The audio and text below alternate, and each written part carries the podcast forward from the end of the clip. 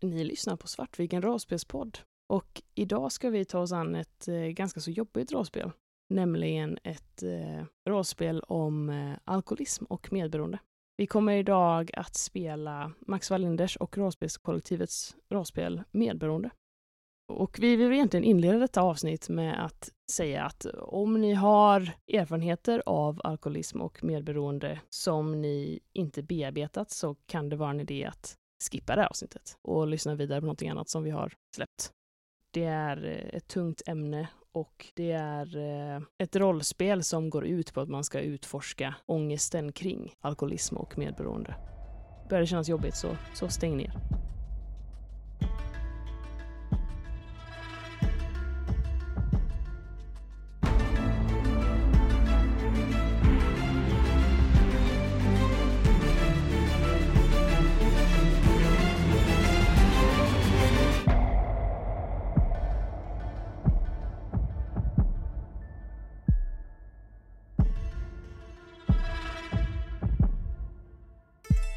Medberoende är ju då ett indie-spel. Och eh, dess mål är att eh, tillhandahålla stöd för att skapa en specifik upplevelse. Upplevelsen kan vara att generera en särskild känsla eller utforska en viss fråga. Just i medberoende så får ni uppleva hur det är att vara medberoende. En människa som lever tillsammans med missbrukare och som medvetet och omedvetet anpassar sitt beteende och sin personlighet på grund av sina alkoholiserade föräldrar. Vi kommer ju då turas om att spela ett barn med föräldrar som är alkoholister. Och vi kommer då spela barnet under tre faser, både som barn, tonåring och ung vuxen. Vi kommer sedan avsluta med att blicka in i framtiden då och beskriva lite hur vi tror att det här barnets framtid kommer att se ut. Och infogat i det här spelet finns ju även då det så kallade X-kortet, vilket är ett redskap som eh, ska hjälpa oss spelare då att hantera svåra situationer utan att man egentligen i förväg behöver sätta gränser då och då omedvetet skapa förväntningar. Så att vi har gjort det så att vi har gjort ett litet papper med ett kryss på här framför oss och när, eller om scenen drar iväg åt ett sånt håll så att eh, vi tycker att det känns jobbigt då, då ska vi peka på det då. Man behöver inte rättfärdiga eller förklara någonting utan då, då slutar vi ta det åt det hållet. Vi kan ju också nämna nu då att vi, våra kompisar på Bläckfisk, Kristoffer och de, de har ju faktiskt också ganska så nyligen lagt upp en eh, sådan kortlek på sin hemsida Traffic Lights tror jag de kallar den. Och då är det ju, eh, dels är det ju då, det bygger ju på samma princip som X-kortet då, att man ska kunna meddela sina andra spelare om att det nu, nu går det i en riktning som jag inte är bekväm med. Men de har ju också för mig att de har infogat också att man kan eh, visa på att man uppskattar en riktning som det rör sig i. Därför då traffic lights då, att det är ju ja, de har grönt, gult och rött. Så att det är hela skalan där då. I eh, Medberoende då så kommer vi turas om klockvis att spela tre roller då. De här rollerna är barn, medberoende och åskådare. Och under de här tre faserna då, barn, tonåring och vuxen, så kommer vi alla cirkulera och spela. Så vi kommer alltid spela alla tre rollerna i varje fas. Så det blir nio scener allt som allt då. Barnet är huvudrollen i det här spelet, det är den aktiva rollen. Det är från barnets perspektiv som vi upplever berättelsen. Din uppgift är att försöka gestalta barnet som försöker vara som alla andra men samtidigt aldrig kan vara det. En människa som gör allt för att dölja hemligheten att föräldrarna är alkoholister och som inte kan hantera hur du får henne att känna. Spelaren som spelar, alltså medberoende, är spelaren till vänster om barnet och den kallas medspelaren då. Det är medspelarens uppgift att sätta scenen och driva den mot en situation där barnet upplever ångest genom eh, karaktärer som eh, personifierar medberoende. Så. så att målet med scenerna är ju att driva barnet mot ångest. Hur medspelaren visar detta då, att medberoendet orsakar ångest, det är genom att lägga en sten i ryggsäcken. Vi har ju här också en liten karta, en liten spelplan framför oss som utgörs av en eh, ryggsäck och tre livbojar. Vi kommer gå igenom det alldeles strax då. Den tredje spelaren kallar spelet för eh, åskådaren och den eh, kommer eventuellt kanske delta i scenen genom att kanske spela så stöttande roller eller biroller kan påverka barnets känslor genom eh, livbojarna. Det är tre faser vi kommer spela igenom. Först är det barn, sen är det tonåring, sen är det vuxen. Alla spelare scener i en fas ska vara färgade av den fasens stämning på något sätt. Och här är då att eh, första fasen, barn då, den ska präglas av rädsla, skam och skuld. Andra fasen, tonåring, ska präglas av ilska, hat och förträngning. Och tredje fasen, vuxen, präglas av förståelse, medlidande och uppgivenhet. Och sen så avslutar man med en epilog då, då man ska så här, vad händer med barnet sen? Jag tycker för övrigt det är väldigt fint att så här, de omtalar barnet som barnet Mm.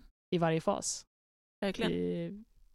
Att man aldrig slutar vara barn även om man blir vuxen. Ja, jag tänker så här, och specifikt kanske just när man behandlar sådana här ämnen. Mm. Det känns relevant på något sätt.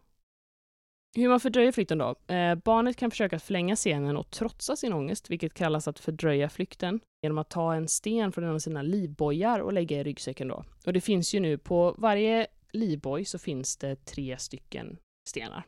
Och varje livboj representerar olika saker. Vi har en livboj som representerar vänskap. Och vi har en som representerar kärlek och en som representerar passion. Vad jag har förstått det som så får man då slå en tärning, det vad tärningarna för då. Och då är det barnet som slår mot Mm. den med, alltså medspelaren då, medberoendet. Och det gäller att få högst. En effekt då som det, det får att man lyckas att fördröja flykten och står emot ångesten, det är att efter den scenen, då får man spela ut en så kallad eh. En kortare lycklig stund i barnets liv. Då börjar vi med första fasen då. Och första fasen är barn. Barndom. Värsta hotet är att andra ser dina föräldrar berusade. Hemligheten måste bevaras. Första fasen präglas av skam, skuld och rädsla. Som barn är föräldrarnas beroende chockerande och skrämmande. Deras personlighet förändras plötsligt. Det blir annorlunda och känns ofta som helt andra människor när de dricker. Främlingar. Monster. Barnets trygghet rycks bort eftersom föräldrarna är hela barnets värld. Inte sällan tar barnet snabbt på sig skulden för föräldrarnas beroende, oavsett vad föräldrarna säger eller gör. Barnet försöker ofta medvetet vara till lags i hopp om att det ska hjälpa. Barnet har sällan någon insikt i varför föräldrarna dricker, vilket gör att vad barnet än försöker göra så hjälper det inte. Barnet förstår snabbt att föräldrarnas beteende på något sätt är fel. Vanligt är att föräldrar uppmanar barnet att dela sin hemlighet. Barnet görs till vakt av deras missbruk och barnet tar samtidigt över det beroendes skuld och skam. Barnet skäms både för föräldrarnas beteende men också för att andra ska se föräldrarna. Skam och skuld är så starka att barnet gör vad som helst för att föräldrarna inte ska avslöjas. Då börjar jag slå. Då, då kommer jag spela barnet. Och då har vi redan rollerna utplacerade. Ja, just det. Det har Just vi. det. Då spelar jag eh, medspelaren då. Nej, jag spelar medspelaren. Du spelar åskådaren. Jag har, jag har ritat upp det på Okej. lappen. här. Vad bra.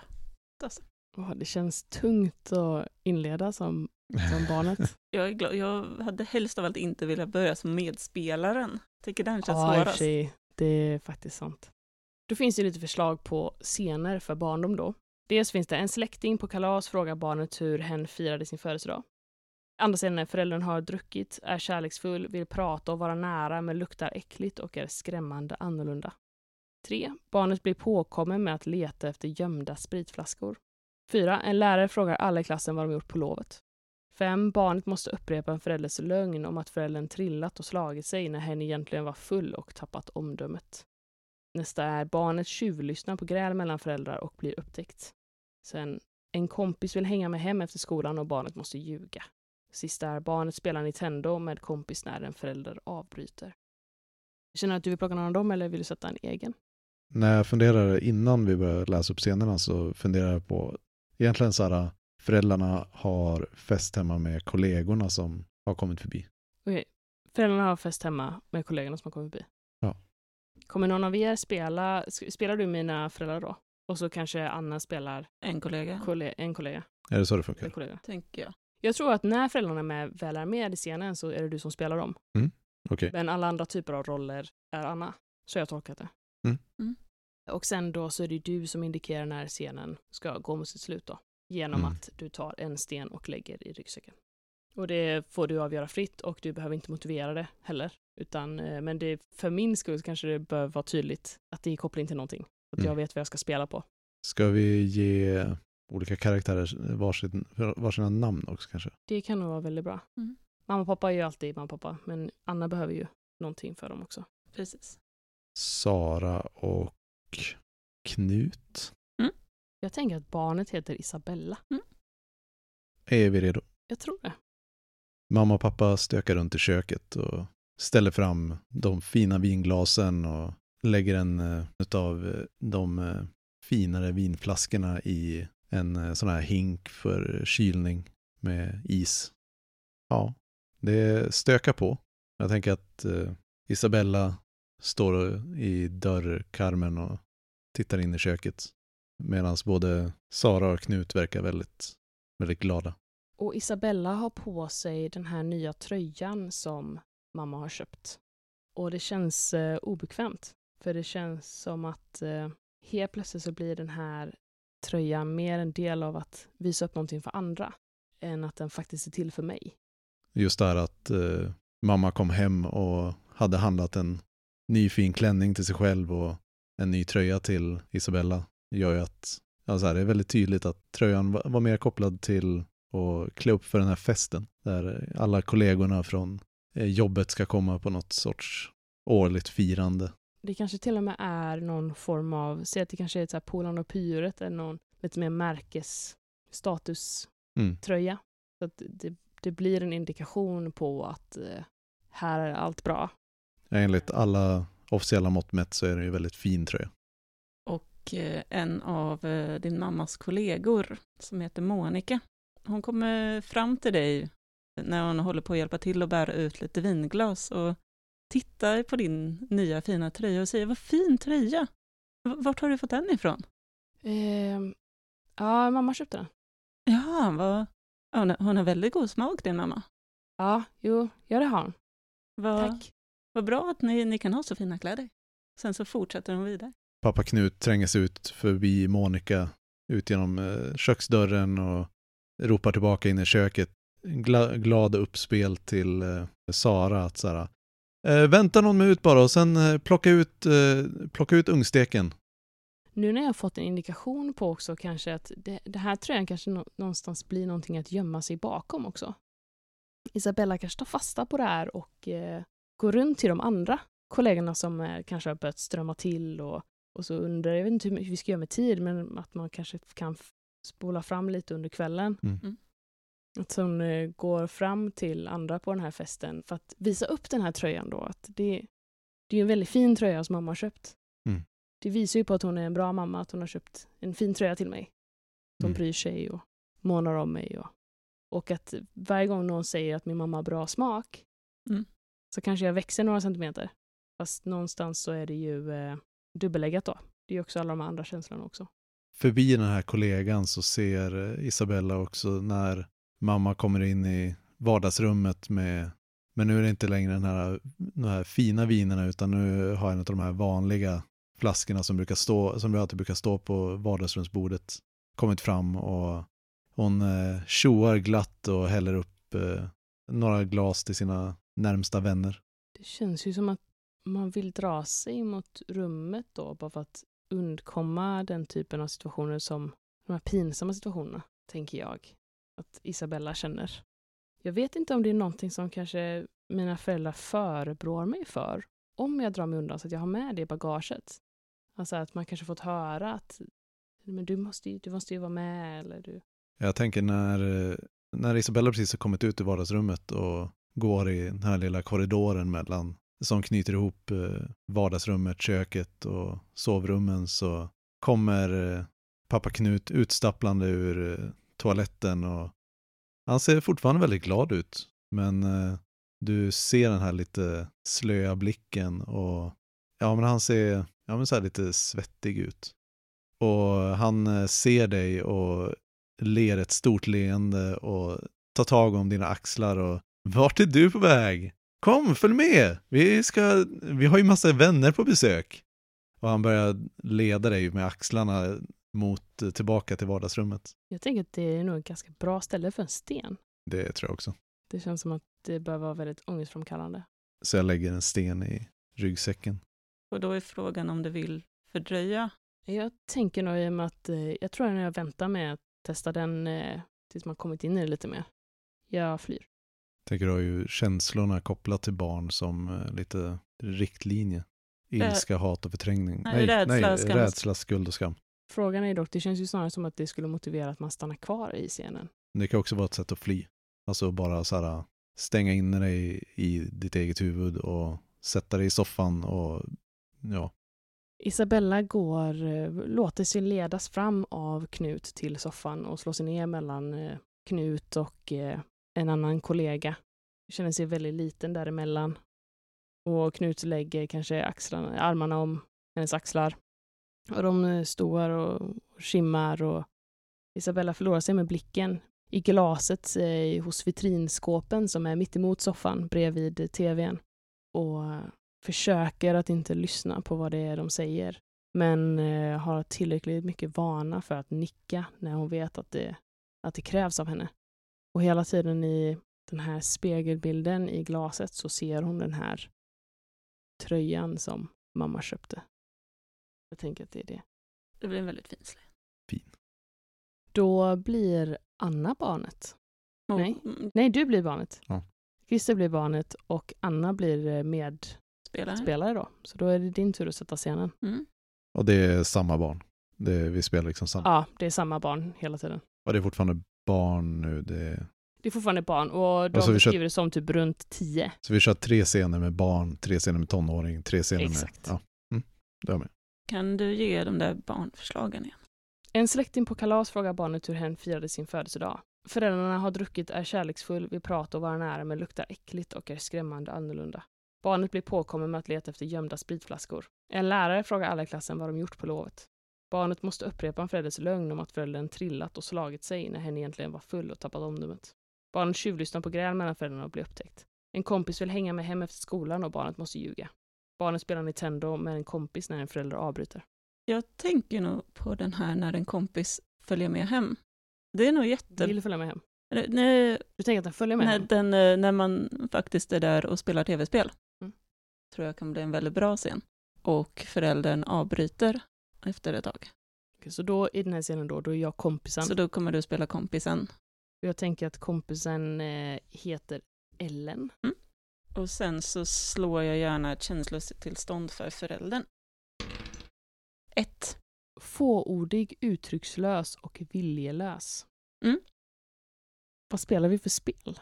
Ja, det var det jag funderar på, om du ville sätta scenen eller om vi ska, om vi ska sätta scenen, alltså barn, Jag, från barnperspektivet. jag tänker att det är jättebra om ni sätter scenen och föräldern kommer hem efter jobbet. Så att ni har varit ensamma Mm. ett litet tag. Och då får ni gärna välja vilket spel ni spelar. Ice Climber. Ice Climber. Okej. Men det, det jag tänker är att eh, Spelar man två på den eller en? man kan spela två, två spelare. Mm. Det jag tänker är att det här är, ja men säg några veckor efter, efter jul. Och jag fick ett Nintendo av eh, pappa. Och jag har inte haft så mycket möjligheter att spela det, men jag fick det här spelet med så nu har, har jag slutligen haft möjlighet att bjuda med Ellen hem. Jag kanske har velat komma hem och spela spelet med dig ända sedan du sa att du fick det. Men du har alltid kommit på alltså, anledningen till att vi inte kan göra det Mm. förrän till så här, nu vet du att ja, mamma och pappa kommer vara borta på Och Mamma är bortrest över slutet på veckan. Mm. Funkar det för vad du har tänkt? Absolut. Mamma är bortrest över slutet på veckan och din pappa har sagt att han ska jobba sent. Så därför var det så lägligt att Ellen hade tid också. Vi har väl haft ganska kul och suttit här och druckit lite läsk och Oh boy. O'boy. Ja, ännu bättre. Så vi har suttit där och druckit lite O'boy och säkert ätit en ostmacka också vid det här laget. Ja, spelar Ice Climber och skrattar. Och mitt i det här skrattet så hör du plötsligt hur nyckeln sätts in i dörren och vrids om. Det är ett ljud du väl känner igen och en, den här känslan av ångest och rädsla som börjar byggas upp i dig. Din pappa borde inte komma hem så här tidigt, han, han borde jobba senare. Men av någon anledning så är han nu på väg innanför dörren. Jag hörde att det finns en hemlig scen i det här spelet. Är det inte så att man kommer till typ en viss nivå så kan man komma in bakom och Ellen har inte registrerat att någon är på väg in överhuvudtaget. Mm. Jag sjunker ihop och tillbaka ner i soffkuddarna och Men se upp nickar. där, den, den kommer ju gå ner. Du måste ju... Men hallå? Isabella, Misslyckas helt att reagera och gå åt sidan. Vad gör du? jag ramlar ner. Nu måste vi ju börja om. Vi måste ju göra hela den här nivån igen. Nej men, gick du inte åt sidan bara? men kom igen, vi är vi är inte klara nu. Det, Bella, Din pappa tar sig in, kommer in genom dörren. Har du gäster hemma? Eh, jag, jag, ville, jag ville bara visa Ellen spelet. Han, eh, Det är okej va? han suckar bara och ger dig en lång besviken blick. Sen fortsätter han in mot köket. Och du hör hur kylskåpsdörren öppnas och han knäcker en öl. Jag ställer mig upp och vaggar lite fram och tillbaka och är på väg mot spelet men tittar samtidigt så skuldmedvetet mot Ellen och Din eh, pappa vänder tillbaka, han kommer ut i köket mot er båda två. Och sen så sätter han sig på fåtöljen bredvid soffan och dricker sin öl och tittar på er. Han säger ingenting. jag försöker inte låtsas om honom och går fram och stänger av spelet mitt i när Ellen precis har nästan klarat av hela banan utan min hjälp. Men vad, vad gör du? Ja, men Kom igen, vi kan, vi kan gå in i mitt rum istället. Jag, jag, kan, jag kan visa dig böckerna jag fick i, i julklapp. Ni låter så mycket. Han tar sig lite för huvudet. Jag har haft en tung dag. Isabella, måste du verkligen ha gäster nu? Ja, men förlåt. Eh, Det är kanske ungefär nu som Ellen plockar... Jag tänker ändå att barn läser av Mm. stämningar så. så. Speciellt när man inte är inne i spelet längre då. Mm. Att det, det är lite konstig stämning. Hur känns det när du börjar känna dig avslöjad? Jag, Och då lägger Försök- han en sten i ryggsäcken här nu. och jag vill ju inte fly än. Då måste du välja en livboj Ja, precis. först. Och då får du minus ett på ditt slag. Och då väljer jag ju vänskap. Och då lägger vi den i, Precis, i då plockar vi ryggsäcken också. över den maskrosen till så att det blir en sten i ryggsäcken. Då ska du också slå Anna. Och jag slog ett så att eh, Och jag slog tre. Ja, nej du lyckas ju inte då. Ja, men jag, jag ska nog ändå gå hem nu. Alltså, jag tror att mamma har nog lagat mat nu. Eh, så jag nickar och börjar på att rulla ihop eh, kablarna så att mamma inte kommer bli arg när hon ser att vi har haft det framme. Men vi ses imorgon Isabella. Ja, det gör vi. Hon verkar ha ett, lite för bråttom ut i, i hallen. Och jag dröjer kvar i vardagsrummet och ställer undan allting. Och bojmuggarna och tallrikarna och går in i köket med dem och ställer mig och diskar. Din pappa har slagit om till eh, sport på tv. Han eh, går från den här apatiska känslan till att plötsligt då, och skrika mot tvn och vara fullt uppe i sitt engagemang och vara mycket mer ja, berusad än den tröttheten som han var innan. Jag tänker jättebra se, slut på scenen. Definitivt. Jag tänker att det måste ju vara jättejobbigt just den här, alltså man vill ju ändå alltid, när man är barn så vill man ju ändå att ens föräldrar är typ de coolaste människorna i världen. Mm. Det måste ju vara en jättejobbig grej, alltså att plocka upp hos kompisar att Så inte är fallet. ens kompisar tycker att det är jobbigt med ens föräldrar. Mm. Man kanske ska spara sånt till sen, men eh, det kändes som att det var relevant nu. Hur funkar det med maskrosscener? Ja, då får du, Får jag göra det automatiskt för att jag har försökt att, Nej, det är bara när du lyckas. bara när jag lyckas? Okej. då får du Mm. göra en maskrosa. Det står också i reglerna så här att även om du inte försöker, alltså att det kan finnas en poäng med att inte försöka sig på det heller, att man aldrig får till någon maskrosscen, bara rent tematiskt att Mm. Mm. det kanske inte finns maskrosscener i det här barnets liv. Så då är det Anna som tar över rollen som barn. Ja. och jag är medspelare. Jag tyckte, jag tänkte att det kan vara ganska intressant att utforska det här med att eh, föräldern har druckit och blir kärleksfull och vill prata och vara nära men kanske luktar äckligt. Mm. Och jag tänker att det är en scen eh, när du ska gå och lägga dig.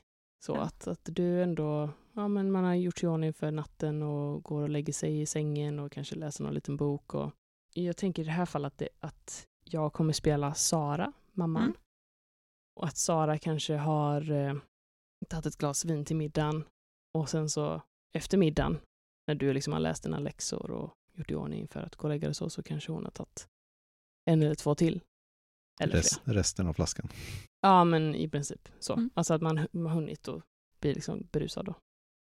Så jag tänker egentligen inte någon så här biroll till dig just nu. Nej, så. så. här, vad, vad är min roll i det här i så fall? Eller sitter jag, sitter jag bara åt sidan den här gången? Eller? Antingen så kan du ju spela en, alltså bara sitta åt sidan, eller Så kan du spela pappan om du vill. också, om du vill tycka att pappan ska komma in också. Men vad jag har förstått som så åskådaren ibland, det är ju främst när livbojarna kanske är tomma då, indikerar att, eh, att man kan spela på. Man Mm. kan påverka scenen på det sättet. Men eller så spelar man biroller, eller så är man bara åskådare. Om du känner dig okej med det. Jag kan försöka inflika saker som kanske Du kan absolut, hjälper Isabelle eller du får jättegärna inflika känslor och tankar och sånt som kan komma. Förstärka det, det som händer. När du ligger i sängen så ser du hur eh, dörren börjar öppnas och du hör det här knarrande ljudet. Jag blundar och slår ihop min bok som jag har legat och läser. Och så försöker jag ligga riktigt, riktigt stilla. Försöker låtsas som att jag sover. Du känner hur sängen tyngs ned bakom din rygg då. Någon har satt sig ner och du känner doften av, ja det luktar äckligt. Åh nej, åh nej, åh nej, åh nej. Mamma stryker dig på ryggen. Åh vad fin du är. Ja. Hade, du en, hade du en bra dag i skolan idag? Jag försöker andas så lugnt som möjligt, men jag gissar att det kanske skär lite i andningen. Försöker blunda, försöker låtsas som att hon inte är där. Men mamma, kan, jag, kan, jag kan lägga mig lite här med dig en stund. Mamma får ligga här i sängen med dig. Du känner hur eh, Sara drar upp eh, benen och hon lägger sig och eh, man lägger armen om dig, så skedar dig i den här. Jag tänker att du kanske har någon sån här 90-säng, en liten Mm. smalare variant. Men stryka dig över håret. Du har så fint, du har så fint långt hår. Och i den här tecknet av alkohol så är det verkligen en känsla av rädsla som kommer inom mig, för jag vet inte vad som kommer hända härnäst. Jag vill ju verkligen tycka om att ligga bredvid min mamma, men jag kan inte lita på det här. Det har du fått från mig. Jag hade också sånt här hår när jag var liten. Du är så lik mig.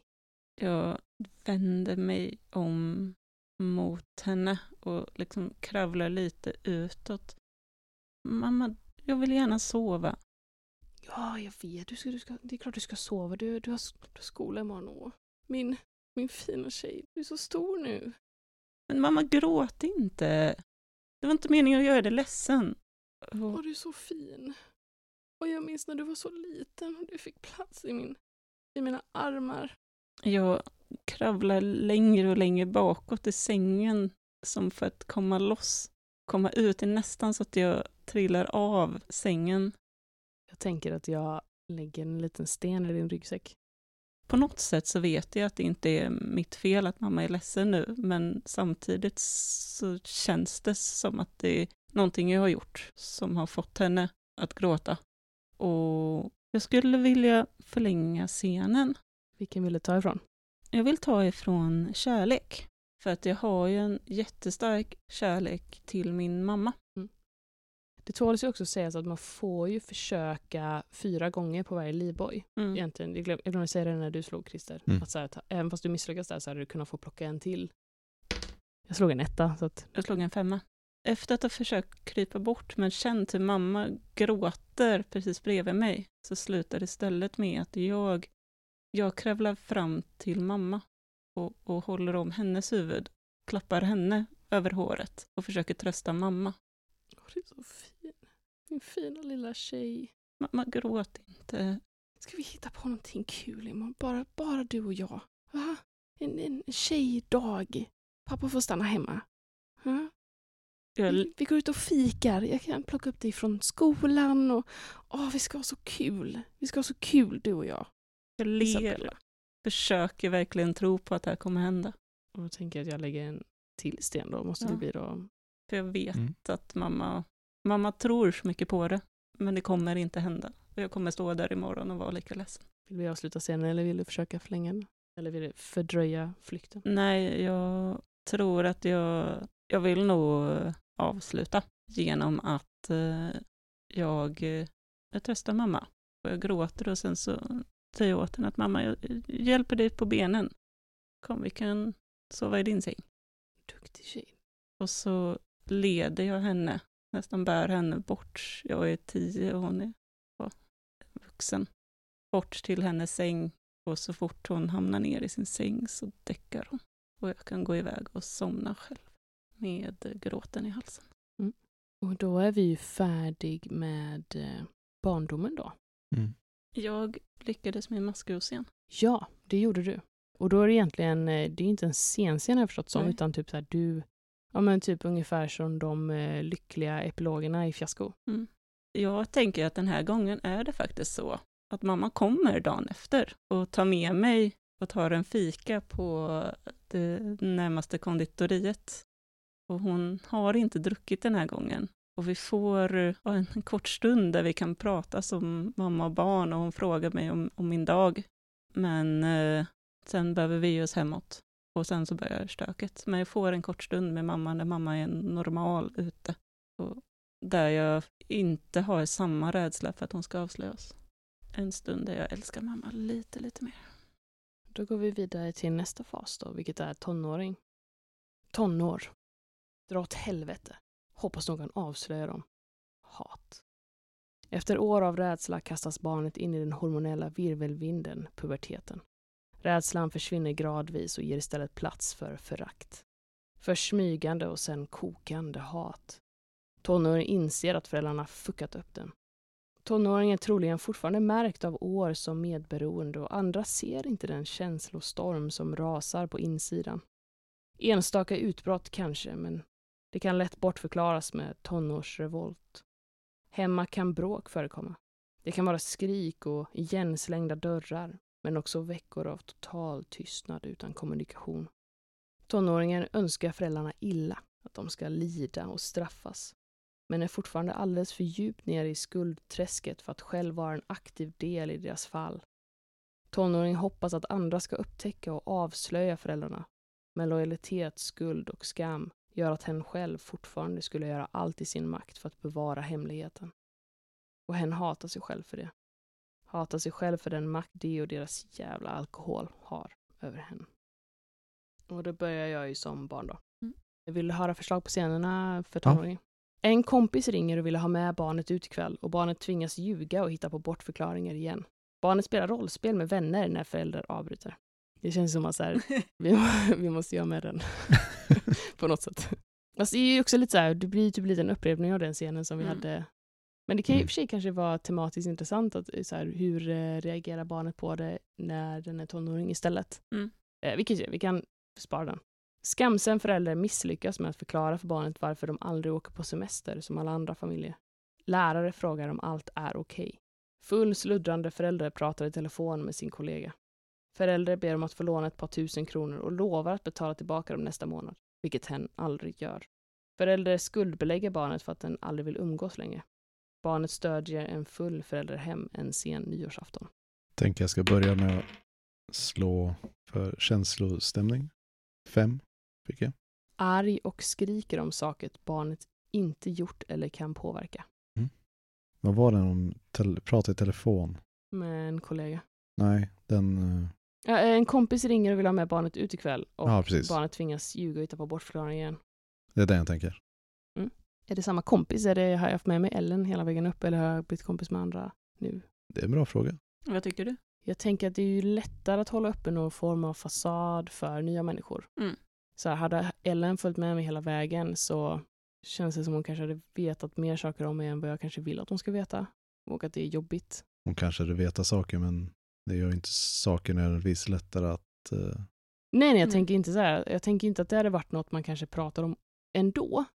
Men det hade varit den här outtalade, Det, kan, jobbiga grejen som hänger Mm. mellan en. det kanske till och med är så att eh, Isabella har Dragit mig undan från. me- mer eller- eller mindre medvetet alltid haft korta vänskaper. För att så fort de börjar komma nära på att avslöja föräldrarna så blir det obekvämt. Ja, jag Och tänker då- att det är nog kanske snarare så en omedveten Ja, grej. precis. att det, det har blivit så, men att jag i nuläget inte har någon form av insikt i att det är något jag gör.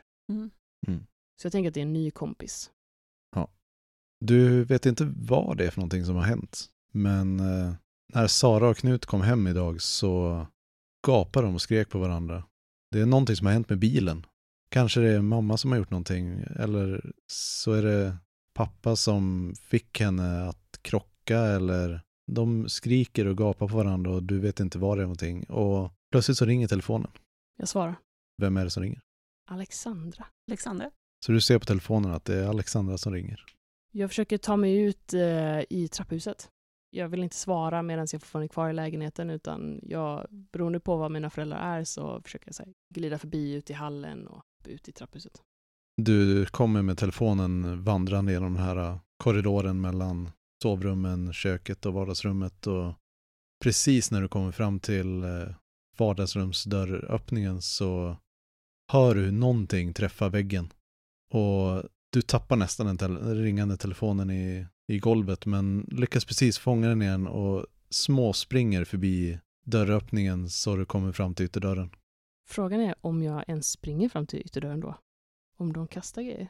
Eh, Vad var känslan nu igen för tonåring? Då var det ändå typ att man ville att andra skulle komma på dem. Ilska, hat och förträngning. Ah, Okej, nej, då springer jag mot trapphuset.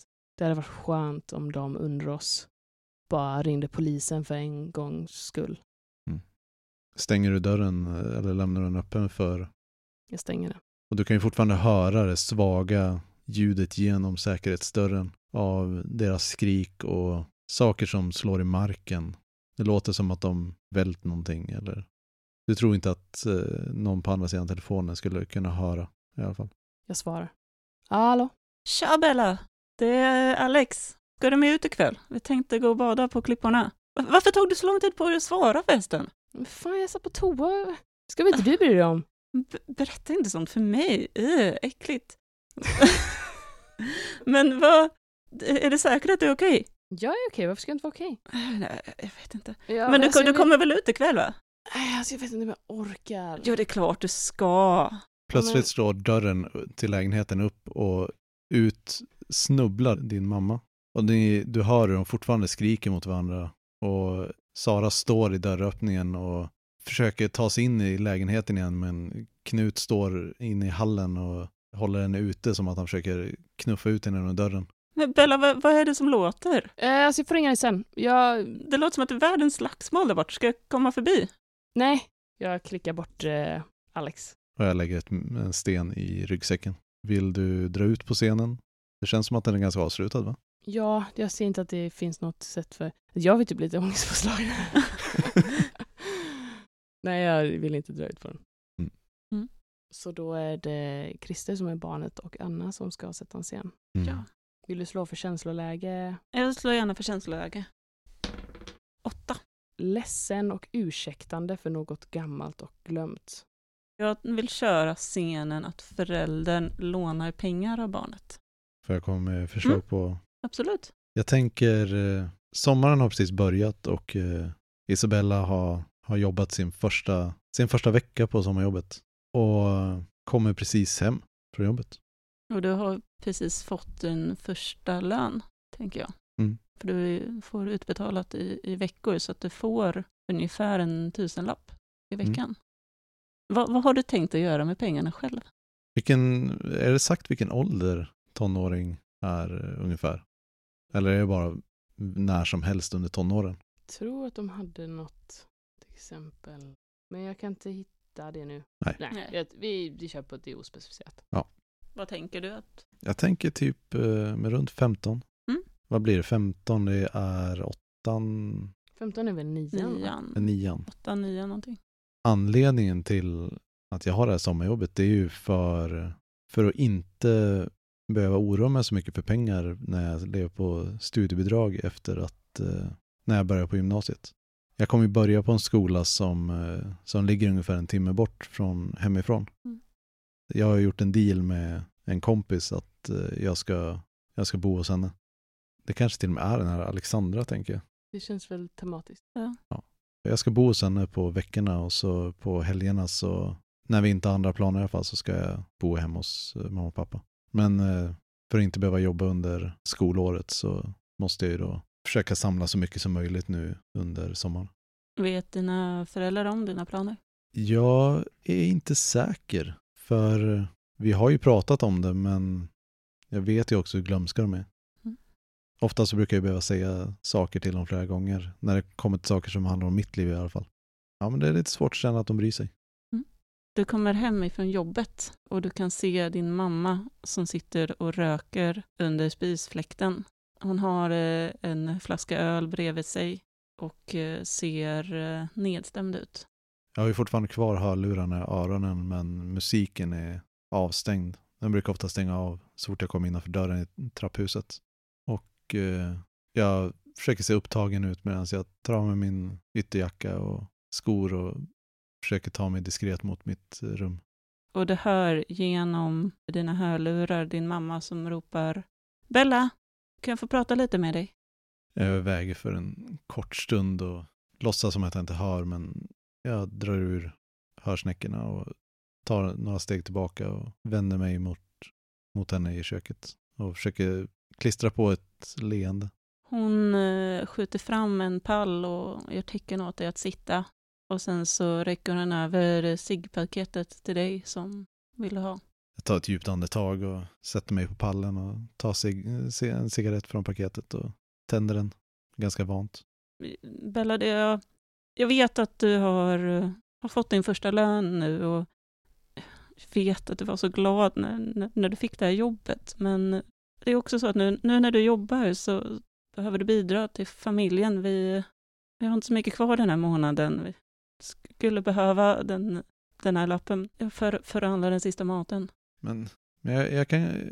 Kan, Alltså, kan jag jag, jobbar inte jag, kan, jag kan inte gå och handla. Jag kan gå och handla imorgon. Nej, nej, Jag kan plocka upp någonting. Jag kan, kanske det, potatisgratäng.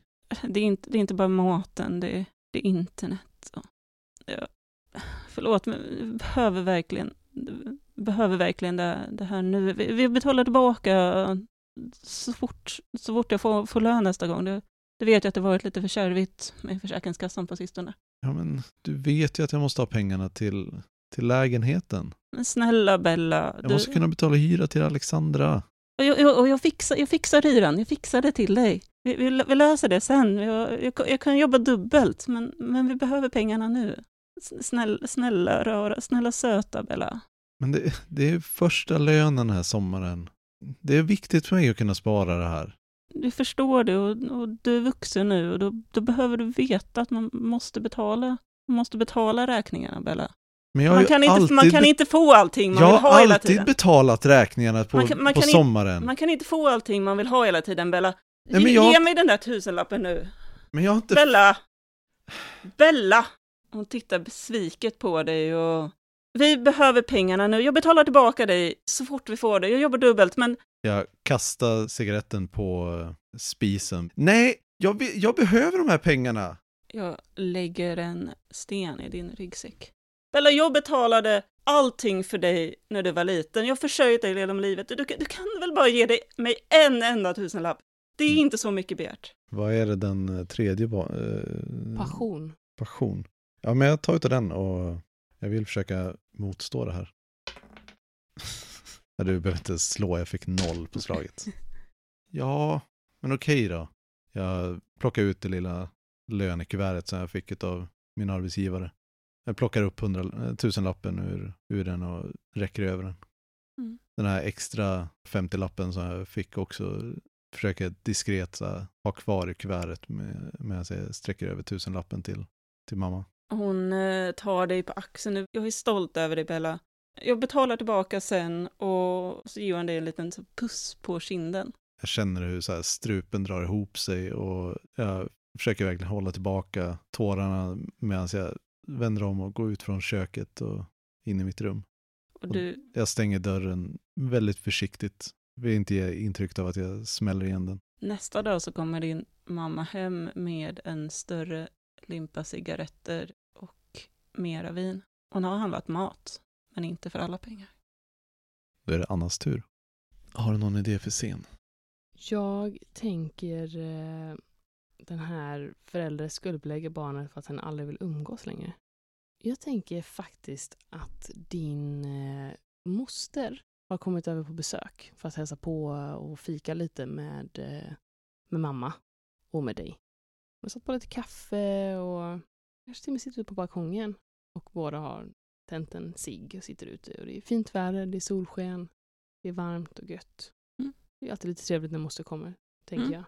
Men jag tycker väldigt mycket om moster. Hon är inte alls... Hon känns tryggare än eh, mamma och pappa. Jag vet inte om moster vet om deras problematik. jag tror att jag ser upp väldigt mycket till, till henne. Trots Men- att hon aldrig har eh, talat vett med din, Precis. dina föräldrar. Nej. Ö, Fast å andra sidan så, Hon har ju ändå alltid varit där. Hon måste ju ha sett någonting. mm, Hur kan hon inte ha sett någonting? så är det. Ja, nej, det är nog snarare så faktiskt att eh, moster är lilla syster till mamma. Och jag tror att min moster ser upp till min mamma. Och hon förgillar mamma. Så att hon är helt blind för mammas problem. Och ser mamma som en väldigt stor och häftig person. Vilket är någonting jag istället har svårt för och kanske hatar med moster. Jag tänker också kanske att grejen med mamma och pappa är väl oftast att de sköter sig när andra är med också. Precis. Så att så här, när... Eh, jag tänker att mostern heter Ann-Charlotte förresten. Mm. Mm. När Ann-Charlotte kommer på besök så eh, då är ju mamma normal. Mm. Men hur kan hon vara men så hur kan, eh, så här, hur kan Ann-Charlotte inte genomskåda detta? Precis. När vi sitter där på balkongen. Och nu ska ju eh, Isabella iväg på, på gymnasiet. Det blev ju... Eh, vad, vad, vad blev det nu då? Vilken inriktning? Det var... Det var naturbruksgymnasiet. Det måste vara så spännande. Ja, de har så himla fina hästar där. Mm. Och, och så får man eh, ta riktigt mycket ansvar och, och ta hand om dem. Och, ja, fast man, man eh, måste ju bo där under veckorna då. Så att eh, Isabella kommer inte ha tid för oss längre, Charlotte. Inte för att hon... Eh, ja, hon tycker inte om att umgås med de tråkiga föräldrarna nu för tiden. Utan det är ju bara fester och pojkar och kompisar hela tiden. Ja, men det Mamma- förstår jag ju, Mamma är ju säger tråkig nu för tiden. Jag skruvar lite på mig i stolen. Ann-Charlotte eh, blinkar med ena ögat mot eh, Isabella. Ja, nej men så är det ju inte mamma. Men vi umgås ju aldrig längre, Isabella. Innan kunde vi ändå fika lite och det kommer ju till mig, men vi gör det ju inte längre. Det är ju Men jag är är bara ju, kompisar som gäller nu. jag är ju hemma på helgerna och vi fikar ju nu. Men du vet ju det är att vara tonåring. Jo, jag vet, jag vet. Du kommer ihåg, hur vi var? Jo, jag, jag, jag minns det, Ann-Charlotte, men jag kan bara tycka att det, det känns lite tråkigt för mig som mamma. Att hon, jag ser ju bara ryggen på det nu för tiden. Eller kanske skorna i hallen om jag har tur. Det hade varit lite kul för mig om man kände att det fanns någon eh, vilja hos dig att, att umgås med. Och det kanske hade varit trevligare att umgås med om det faktiskt var trevligt att umgås med. Ann-Charlotte eh, stelnar till lite grann och Eller en sten i ryggsäcken. Jag vill nog slå på den här känslor... Eh, för det, nu blir jag ju konfronterad. Precis. Jag tittar lite på Ann-Charlotte när jag säger det här. För jag fick en perfekt på tabellen också. Nedstämd, självömkande och uppenbart ute efter tröst. Ann-Charlotte eh, tittar inte på någon av dem längre utan eh, tittar ut över vyn från balkongen. Jag blir, förstår inte att hon kan vara så blind. Ja, alltså visst okej, jag är kanske inte lika rolig som, som dina kompisar, men jag är ändå din mamma, Isabella. Man kan ju inte bara säga vad som helst. Om du kanske ska bete dig som en mamma då? Jag har faktiskt också känslor. Vad, vadå bete... Jag, jag tycker inte du att jag beter mig som en mamma för dig? Jag tittar mot Ann-Charlotte som att försöka söka stöd därifrån. Hur många gånger har inte jag tvättat din tvätt? Ja, lagat mat? Skjutsat dig till träningar och, och aktiviteter, va? Men det är ju mer saker än det. Men var inte så hård mot henne. Du vet hur det är att vara tonåring. Jo, men du... Och du, ta, du borde ta hand om din mamma lite mer. Jag menar, hon, du vet hur mycket hon har ansträngt sig för, för allting i ditt liv. Det, det är Det- viktigt för henne. Det är väl hon som ska vara vuxen, inte Det jag. känns bara som att jag ger och ger och det känns inte som att du ser Isabella. Jag tittar på Ann-Charlotte som så här, ser du inte? Så jag Ja. vet att du, det är en tuff tid nu, du går igenom, du ska lära dig att vara vuxen. Men jag hade bara önskat att du bara inte... Du glöm, glömde bort mig. Ann-Charlotte eh, tömmer sista slur, slurken i sitt eh, vinglas och tittar på glaset lite grann och ställer sig lite diskret upp och går in i köket. Jag klarar inte detta. Alltså, det känns som att så här, varenda, varenda gång man försöker ha en, en riktig diskussion med dig Isabella, så, så blir det så här. Jag, jag orkar inte med det. Jag orkar verkligen inte med det. Jag har jättemycket saker som, som händer just nu. Med, på jobbet, med Knut. Och jag orkar verkligen inte att vi ska ha en så här antagonistisk relation, du och jag. Jag känner inte att... Jag, jag, jag förstår inte varför vi har... Varför du är sån mot mig. Jag eh, vill eh, ta och försöka fördröja scenen. genom att plocka ifrån... Kan du göra det innan? Jag har lagt en sten. Jaha, okej. Ja, Jag la en sten när hon konfronterade mig. Det är bara okej. att vi, Ja, visst, det är bara att Ja. vi spelade vidare ganska långt. Precis. Men jag förlänger nog, jag förlänger scenen med vänskap. Och då fick jag fem minus två va? Så tre. Ja, det är Eh, bara minus för den, den poolen som han drog ifrån, eller? Nej, jag tror att Okej. det, är, det är minus för varje gång du plockar en. Så Okej. så här, det är bara ett minus ett nu. Men hade du gått Ah, vidare och försökt fördröja Aha. igen så hade det blivit minus två. Ja. Så Alltså- tolkar jag reglerna. Ja, för jag tänkte så att det inte var minus fyra nu. För Nej. att vi hade, nej. Ja, nej. Nej. Så du lyckas, jag slog en två. Då lyckas jag. Men i och med att det är en livboj då, då kanske det är vänskapen. eh, Jag kanske stormar ut Mm. och kvar är Ann-Charlotte. Ja, det var det jag tänkte att jag, eh, jag går ut, jag går inte därifrån, men jag går ut till Ann-Charlotte och pratar med henne. Till mamma så bara tittar jag på, jag blänger på henne och så där skakar på huvudet och sen så går jag ut i köket och, och hjälper Ann-Charlotte att eh, diska av fikat. Kanske lyckas jag få någon indikation från Ann-Charlotte att hon lite förstår. När du kom in i köket så ger Ann-Charlotte en medlims, medlidsam blick och så här, lämnar lite plats bredvid, bredvid sig disk, vid diskhon. Mm. Så jag bjuder in dig till att stå och skölja disk tillsammans med henne. Och vi, eh, jag diskar disken väldigt hårt. Säger nog ingenting till Ann-Charlotte, men att stå bredvid någon samtidigt och, och kunna ignorera det som händer där ute är ändå någonting. Där tänker jag att vi avslutar scenen. Det, är, Funkar det rent regeltekniskt? det vet vet jag inte inte. om jag ska lägga en till sten egentligen för att uh, försöka avsluta den igen, men ah, nej, Det blev bättre så. det blir Du- bra så här. Egentligen så kanske jag inte borde gått ut. Vet inte. Mekaniken för det scenen är egentligen bara att du håller igång scenen Mm, tills jag försöker stänga ner Mm. igen. Mm. Då, kommer det, då kommer mamma in när vi står och diskar. Kanske. Mm. Eller att du kanske inte får exakt den responsen som du hade hoppats på från Ann-Charlotte. Mm. Alltså typ att man får medlidsamma ord men inte de medlidsamma orden man behöver. Ska vi fortsätta senare eller?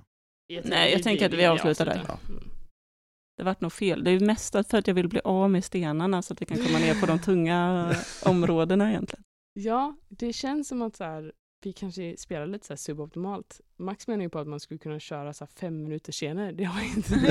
Vi har inte kört en enda fem minuter sen nu. Men maybe that's the Svartviken way. Yeah. Då ska vi se, då går vi in i vuxenfasen då. Ja, visst.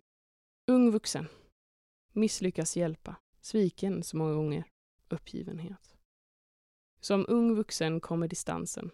De vita knogarnas ilska har lagt sig. En vuxen kan se bortom sig själv och även från andra perspektiv.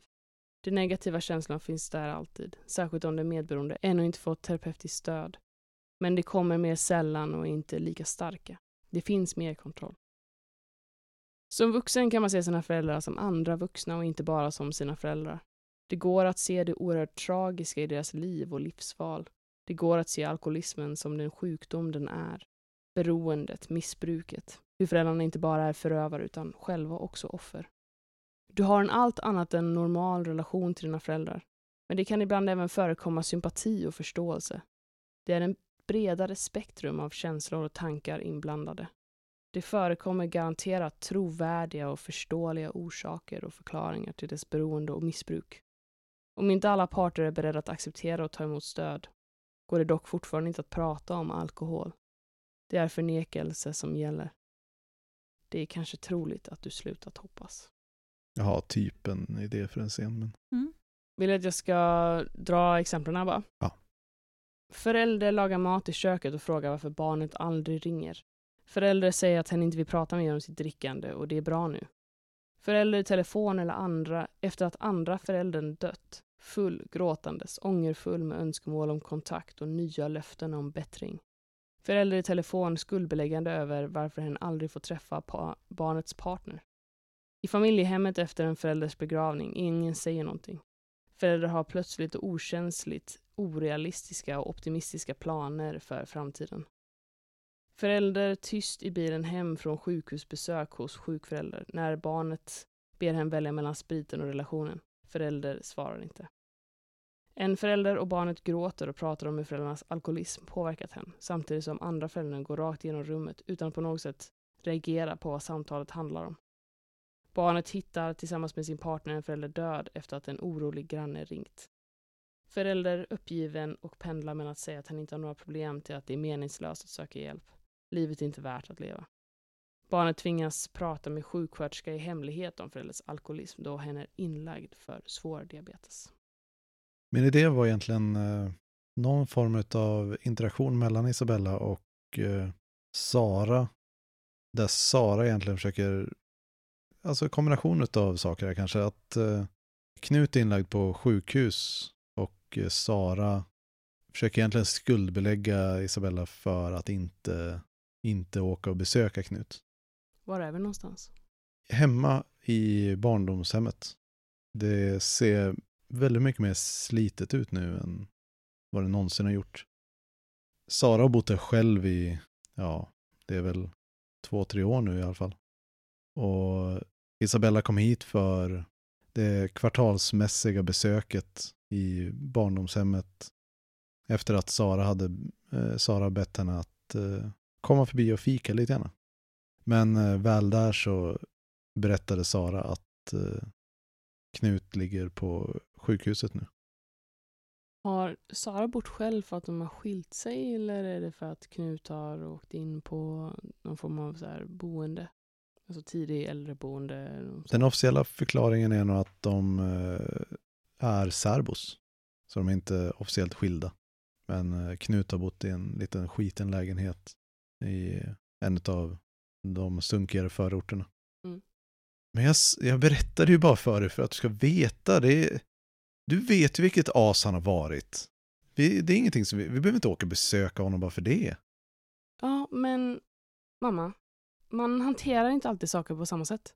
Jag är jätteledsen att du har den upplevelsen av pappa som du har, men han är min pappa. Och jag... Ja, men du vet, vilket jävla... Han har ju bara druckit och... Ja, vad han nu har tagit för någonting och hela, hela din uppväxt. Hur kan, du, hur kan du stötta en sån person?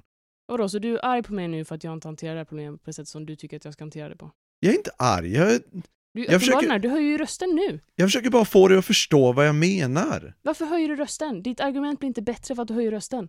Men vadå? Det här är inte en diskussion. Det här är... Jag försöker bara för, förklara för dig vad, hur situationen är. Försöker du förklara för mig hur situationen är? Ja, Tycker, Jag- du, tycker du det är rimligt, mamma, att du sitta här och förklara för mig hur situationen är? Jag har ju för fan noll självinsikt. vad menar du med det? Nu tycker, nu tycker jag att du är väldigt oförskämd. Har inte jag ställt upp för dig hela ditt liv? Visst. Och så kommer du hit och så är du oförskämd. Ja men för fan, hälsa inte på pappa om du inte vill hälsa på pappa.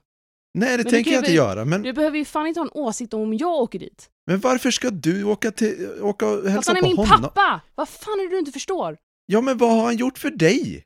Vad Han har bara du, suttit i den här soffan och-? Hon pekar på, vilt på den här soffan och, och går faktiskt lite grann ur vägen för dig. Han har inte gjort någonting för dig. Och du ska åka och besöka honom nu. Alltså jag tror bara att om du och jag ska kunna ha en relation mamma. Så tror jag inte, vi, vi kan liksom inte gå ner för den här vägen. Jag slog tärning för sinnesstämning 8. Ledsen och ursäktande för något gammalt och glömt. Men kom i... Alltså jag vet att jag inte varit den perfekta mamman, men Alltså mamma du behöver inte, alltså vi behöver Jag- inte ens, jag har verkligen försökt. Det har varit jättejobbigt. Men alltså jag förstår det, det är okej. jag sätter mig i soffan och sätter händerna i, hu- huvudet i händerna. Jag, Jag har bara velat ditt bästa. mamma snälla. Kan du inte bara försöka förstå vad jag menar? Jag, Ja men jag, förs- jag, jag förstår vad du menar, jag, jag hör dig. det, det, Men- det känns som att du försöker Måste- hämnas. Måste, hä- hämnas? Du vet att jag inte velat en allting ont. handlar inte om dig. Okej, kan vi inte bara... Kan, kan, inte vi, kan inte vi bara ha vår relation, mamma? Och så kan vi lämna pappa därhän. Okej? Ja, men det är ju du som insisterar på att, att du ska åka besöka honom. Ja? Okej, Och- men så du ställer basically ett ultimatum på mig? Nej, jag, Fast det gör, det är ju exakt det du gör mamma, du måste förstå att det är det du gör.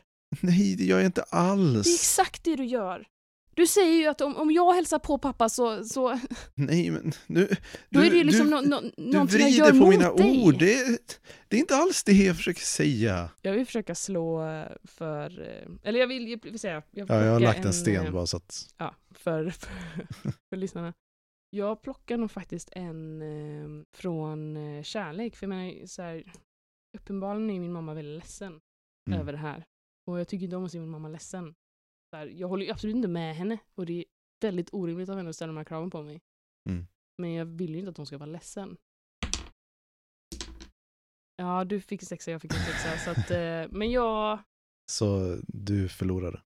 Ja, men ska vi, ska jag, jag vill nog testa att pusha igen då. Ja. Så det har vi ju alla gjort innan. Så då plockar jag en från eh, kärleken och nu finns det ingenting kvar på kärlek, nu finns det bara hat. Nej. 4-4 igen. Japp. Och du ser hur Sara så här, sjunker ihop med axlarna och börjar på att snyfta. Alltså, men jag, jag, jag är ledsen men jag orkar faktiskt inte umgås med dig när du är så här. Du vet, du vet att jag bryr mig om du, du vet att jag älskar dig men det, det är jättepåfrestande på mig att du hela tiden ska ta upp pappa. Jag, jag tänker så här, jag, jag känner att jag måste åka hem. Och jag ringer dig imorgon, okej? Du hör bara de här stora hulkande snyftningarna och hon eh, sitter kvar i soffan medan du går iväg antar. Ja, jag känner att jag inte kan dras in i detta igen. Jag vet att om jag sätter mig ner och tröstar mamma, även om jag så här, inte vill att hon ska vara ledsen, så kommer jag ju sitta här resten av eftermiddagen och det kommer ju inte bli bra. För det enda hon vill ha av mig är något form av löfte att jag inte ska åka till pappa. Och Så nu har du jag- istället uppfyllt hennes eh, profetia om att du bara kommer överge henne. Mm. Exakt. Jag går därifrån. Nu är ju också den livbojen tom då. Så Mm. nu kan ju då till exempel, för nu kommer ju Christer vara barn och eh, Anna var eh, medspelare då och jag kommer vara åskådare. Så nu kommer jag ju kunna peka på den tomma livbojen där då. För att röra scenen i den riktningen då att, att du ska Mm. känna hat. Och det finns två olika vägar som jag funderat på att ta nu. Det ena, det är att nästa scen är en sjuksköterska som ringer, ringer till Isabella och meddelar att eh, hennes mamma har, eh, hon är alkoholförgiftad egentligen och ligger inne på akuten. Och det här är ganska strax efter att de har haft sitt samtal. Det kanske till och med är två dagar efter när Be- Isabella inte ringde dagen efter. Och anledningen till att de ringer Isabella och inte hennes pappa är ju för att hennes pappa också är ju fortfarande inlagd. Isabella är hennes, sin mammas enda närstående kvar. Och det här blir ett samtal där hon ska försöka förklara det här, hur hon reagerar mellan en, en sjuksköterska berättar det. Telefonen ringer. Ja, det är Isabella. Hej, är det här eh, Isabella Haraldsson? Ja, precis. Det... Ja, Vem hej. är det som ringer? Mitt namn är Linnea, jag ringer från eh, NÄL. Och eh, det är så Jaha. att vi har eh, Ja, fått jag, in jag, en... jag har tänkt att komma förbi. Det, det blir lite körigt bara, men eh, kan du hälsa honom att jag kommer, bara om någon, typ imorgon? Jag, jag, ska, jag ska försöka komma imorgon. Eh, du, då, då tror jag att eh, vi har nog missuppfattat varandra lite. Jag, jag ringer för Sara Haraldsson. Det står här att du är listad som eh, anhörig dotter. Stämmer det? Jag blir alldeles kall inombords och... eh, ja, Sara är okej, men vi har fått in henne här på akuten. Hon, eh, hon har ju en väldigt hög promille i blodet. Och vi har ju satt in åtgärder och så och det, vi tror inte att det kommer bli några men. Men eh, som sagt, vi, vi vill ändå få tag på en anhörig. Hon ligger på akuten nu. Det kanske vore bra om du kom in. Det kanske vore bra om, eh, om du kanske kunde komma in. Jaha, ja, jag, jag förstår. Ehm, Är det här någonting som har... Eh, nej, jag, jag vet inte vad som eh, måste ha hänt. Eh, hon, har, hon har varit lite förvirrad senaste tiden bara. Det, det måste... Nej, men eh, det... Ja, jag, jag kommer in så kanske vi... Jag ska, jag ska prata med henne. Vilken avdelning sa du att det var? avdelning A är du väldigt välkommen till. Okej, ja, men eh, eh, jag förstår. Tack, tack så mycket. Och jag tänker att vi fortsätter scenen på sjukhuset. Jag tar taxin till eh, sjukhuset och försöker hitta avdelning A. Du frågar runt i receptionen och du blir visad in i ett rum där din mamma ligger med dropp. Hon rör sig inte. Du ser maskinerna som blinkar stabilt, men Hej, kan, jag- kan jag hjälpa dig? Kommer en liten eh, manlig sköterska. Ehm, jag tittar återigen på Sara och försöker se om hon ger någon som helst indikation på att hon har sett mig eller hört mig. Du är här som anhörig. Jag backar ut och ja, jo. Eh, Vill du att jag ska hämta en, en stol till dig? Lite kaffe kanske? Nej, men det var, eh, nu ska, det var en, eh, det var, Linnea hette hon som ringde till mig. Ah, ja, precis, precis. Ja, nej, men de, Jag hon, tror hon sitter, skulle, hon skulle jobba, jobba fram till fyra tror jag.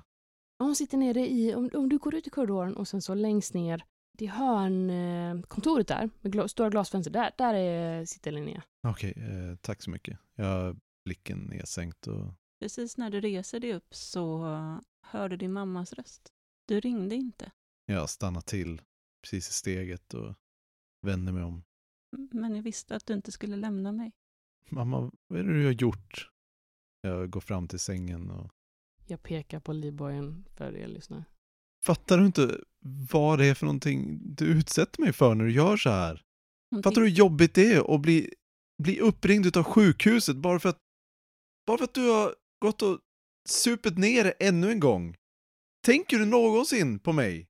Hon ser ut som att hon vill säga någonting, men hon har inte energin i kroppen. Det ser ut som att hon vill skrika tillbaka, men det enda hon gör är att hon sträcker ut en hand till dig. Jag slår bort handen och vänder mig om och går med snabba steg bort mot dörren ut ur, ut ur salen men stannar till precis innanför dörren. Jag vänder mig om igen och... Det här det är inte rättvist! Fattar du inte? I hela min uppväxt har du behandlat mig på det här sättet och nu ska du utsätta dig själv för fara bara för att... Vadå? Ska du bevisa någonting? Är det därför du gör det här? Det var, det var ju enda sättet att få hit dig. Jag har kommit varenda gång du har ringt. Men du ringer inte. Du ringde inte. Nej, jag var upptagen. För en gångs skull var jag upptagen och, och han inte ringa till stackars mamma. Nej, du vill inte träffa... Du, det, det är ju det, du vill inte träffa mig. Jag förstår, du hatar mig. Jag förstår det, jag förstår att du hatar mig. Jag, jag, jag, jag, jag förtjänar allt hat, förlåt. Jag vet inte, jag, ska, jag måste ta utav en utav dem Ja, också. det. Det, jag slog en ettan då så. Jag har misslyckats på varenda sånt eh, motståndslag. Jag tar en från den också och, försöker slå igen. Jag slog en sexa, så du misslyckades. Så jag misslyckas både med vänskap och passion. Och nu är det ingenting kvar på vänskap. Bara ensamhet. Jag står vid dörröppningen och ser väldigt uppgiven ut och känner återigen hur magen knyter sig och halsen drar ihop sig och Förlåt, jag, jag, förstår, jag förstår att jag har förstört ditt liv. Jag förstår att, att, att det är på grund av mig som, som du inte var kvar. Minns du, minns du Alexandra och Ellen? Förlåt. Jag, jag förstår att du hatar mig. jag Jag, jag går, förtjänar att... jag går fram till sängkanten och sätter mig på stol, besöksstolen. Tar Saras hand. Nej, det är inte... Du är inte, du är inte ond, jag vet det. det du, du försöker så gott du kan. Jag har förstört ditt liv. Det, jag, ska inte, jag ska inte förstöra det mer. Jag tänker vi är klara. Om du är okej med det? Frågan vad jag vill sätta för scen. Jag tänker nog att eh, någon form av blandning med den här förälder eh, frågar varför barnet aldrig ringer eller att eh, förälder eh, är skuldbeläggande över varför hon aldrig får träffa barnets partner. Det känns som att vi fokuserat väldigt mycket på Sara nu. Mm. Det är lite intressant varför vi har gjort det. Men det känns som att eh, hon ligger lättast till hands av någon an- anledning. Jag har själv tänkt på det lite för att min tanke om kvinnlig alkoholism är att den inte riktigt är lika läskig och våldsam. Och det är lättare med en våldsam kvinna än en våldsam man att prata om. På något Ja. sätt. Och jag tror att, att min, och sen har jag, jag har mest träffat alkoholiserade mammor faktiskt. Mm. Då kan jag lättare dra mig till minnet om hur, delar i alla fall. Det känns som att det kanske kan vara också just för att vi skapade barnet som Isabella. Mm. Så Alltså det kändes också närmare till hands att det blev en mamma som var relationen där. Men jag tänker faktiskt att jag, det är Sara i den här scenen också. Och eh, att eh, vi har varit och eh, handlat och så. Mm. Vi har haft en dag när eh, vi köpt lite nya kläder, gått och shoppat helt enkelt. Och eh, fikat lite. Och, nej, vi kanske sitter och fikar nu. Men vi har varit liksom, vi har nere på stans alltså shoppingcentrum och köpt lite nya blusar och Sara har provat skor. Och jag passar på att köpa lite nya grejer för jobbkläder för jobbet kanske. Och Sara har insisterat på att betala kaffen och bullen för er bägge två. Så här, liksom nästan så här, nej, nej, men jag, jag gör det, jag gör det liksom. Och nu sitter den där på kaféet. Ja, hur, hur, hur går det med, med den där? Vad, vad, eh, vad, vad heter hon? Louise, som, som du dejtar? Det är, väl, det är väl ett ganska bra tag nu? Har ni inte varit tillsammans ganska länge? Det, Hon heter Maja, mamma. Maja, okej. Louise dejtade jag för fyra år sedan. Okej, Maja. Ja. ja. Man ser ju att du lägger upp lite bilder och så på, på Facebook. Tänkte att eh, det kanske hade varit kul och det skulle ju kunna komma över på middagen en dag. Hade inte det varit trevligt? Jag kan, eh, jag kan laga min torsk. Torsk i ugn. Den vet jag att du gillar. Jo, men jag tror inte riktigt att det är en så bra idé. Maja är väldigt upptagen. Jo, Men vi, kan ju inte vara vi- upptagen vi kan hela väl, tiden. Vi kan väl ses bara du och jag? Det här är ju väldigt trevligt det också. Jo, att få men träffa dig. Det är, det är trevligt att du ser ut att må bra. Tack för att du betalat. Men det är ju en naturlig del av livet, Isabella. Men någon gång kommer jag ju träffa henne. Ja, Du vet ju knappt vem hon är. Nej, men det är Då- väl inte mitt fel. Vad är det som har gjort att du blivit så intresserad av att träffa henne nu? Du har inte varit intresserad av det förut. Det är väl klart att jag varit intresserad av att träffa henne förut. Varför skulle jag inte varit intresserad av att träffa mitt, mitt barns partner? Jag Det är, ju snarare, det är snarare du som har undanhållit henne från mig. Du vill ju inte att jag ska träffa henne. Och då skäms du för mig eller något? Nej, nej men du... Jag vill ju bara att det ska vara trevligt. Man, så, man, det är så man gör. Man, man tar hem sin partner till sina föräldrar så de får träffa. I alla fall om man är seriös med den personen. Jag, jag, du, du har ju aldrig varit intresserad av att träffa henne förut och Men fast var, var, var har du fått det ifrån? Varför skulle jag inte vara intresserad av att träffa henne? Jag bjöd in er på jul för fem år sedan.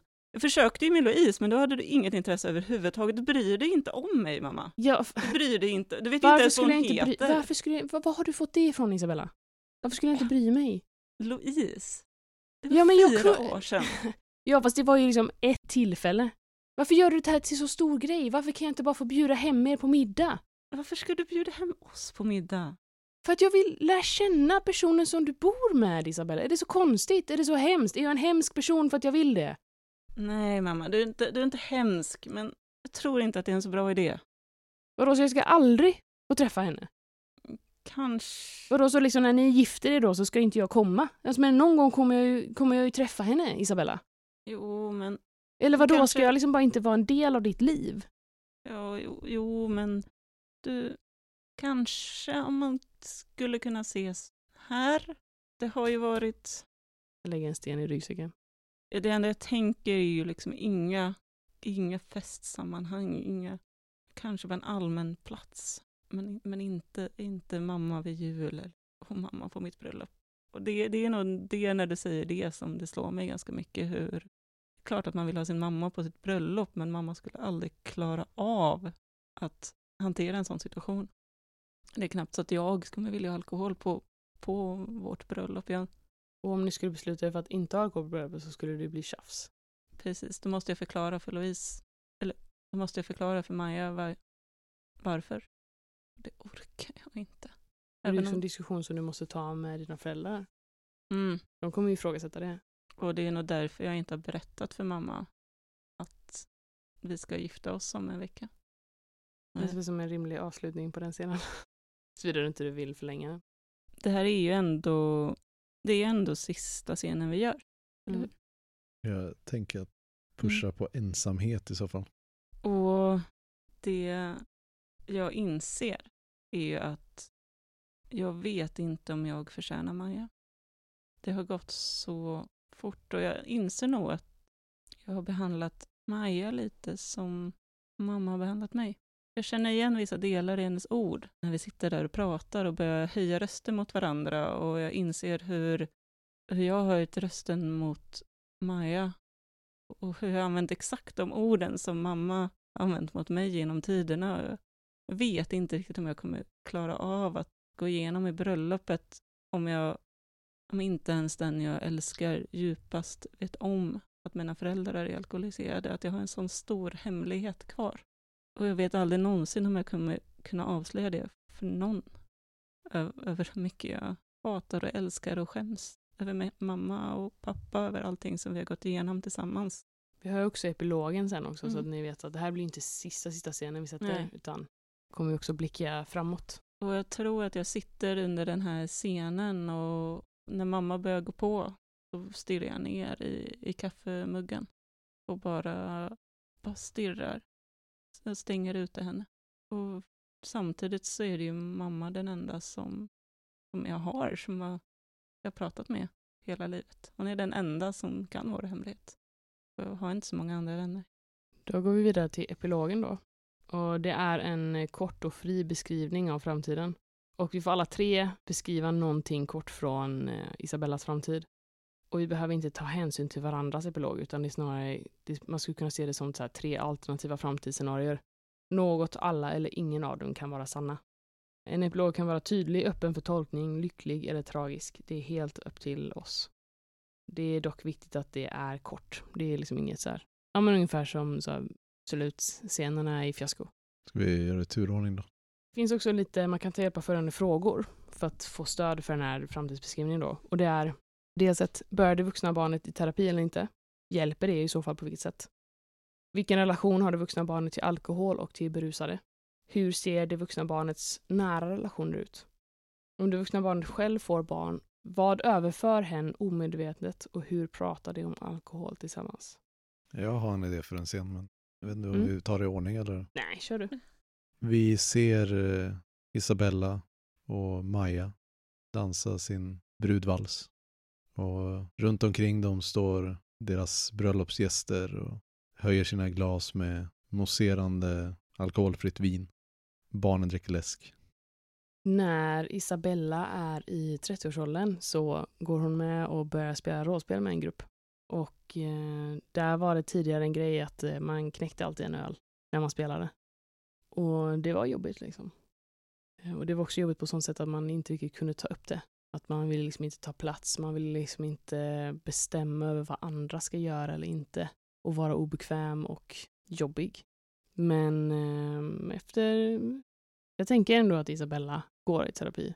Och med, efter stöd från Maja så tar de faktiskt det snacket. Alltså att jag hade uppskattat om ni inte gjorde detta när jag var med och spelade.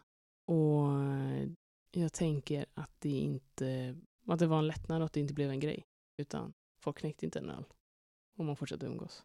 Och man var inte så obekväm som man tänkte att man var.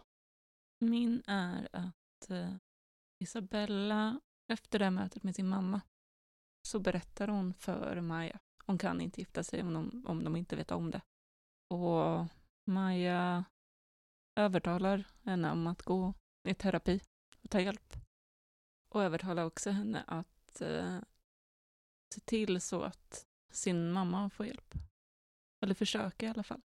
Och Isabella inser kanske för en gångs skull att det inte är hennes mammas fel. Och hennes mamma går med i, inser efter ett tag att hon kanske faktiskt är alkoholist. Och det som får mamman att vända, det är nog när Knut faktiskt får en rejäl alkoholförgiftning. Faktiskt går bort. Och det, det gör först att hon, eh, hon tänker att hon ska ta tag i sitt liv, ska förändras. Men eh, när Isabella kommer hem till sitt eh, barndomshem så ser hon, hittar hon de där gömda flaskorna. Och det är för svårt att förändras. Och även om Maja fanns där för henne länge, de kanske till och med skaffade ett barn ihop, så blir det för tungt. Och eh, Isabella, hennes eh, känslostormar blir för mycket för Maja. De skiljer sig. De kommer alltid vara vänner, men, men inte så mycket mer. Och nu är hon ensamstående förälder. Men hon kommer göra allt för att hennes barn inte ska vara med om samma sak. Det finns ingen alkohol i hemmet, men eh, det kanske också medför att ja, det blir en spännande period när barnet själv blir tonåring. Ha de samtalen om alkohol, om hur mormor och morfar var. Men min förhoppning är ändå att Isabella, hon hittar sin kärlek till sitt barn.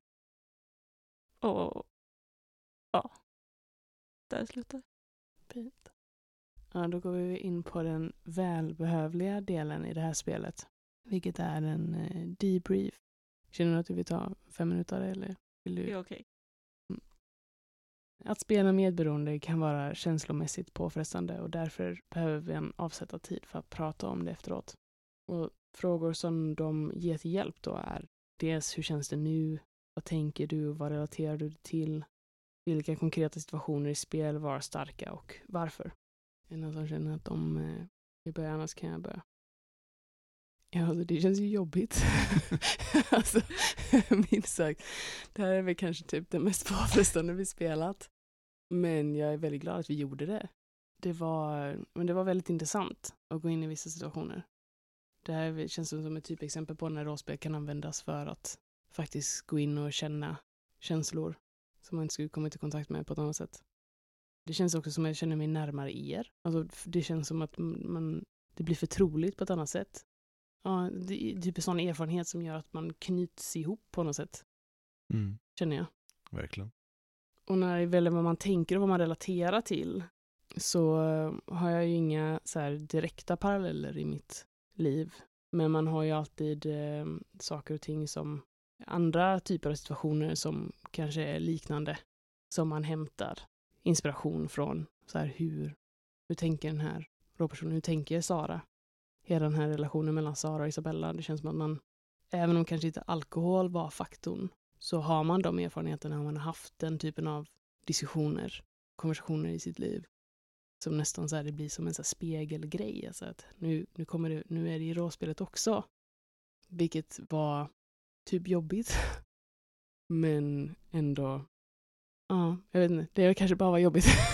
jag måste nog så här, smälta det lite innan man kan säga något mer.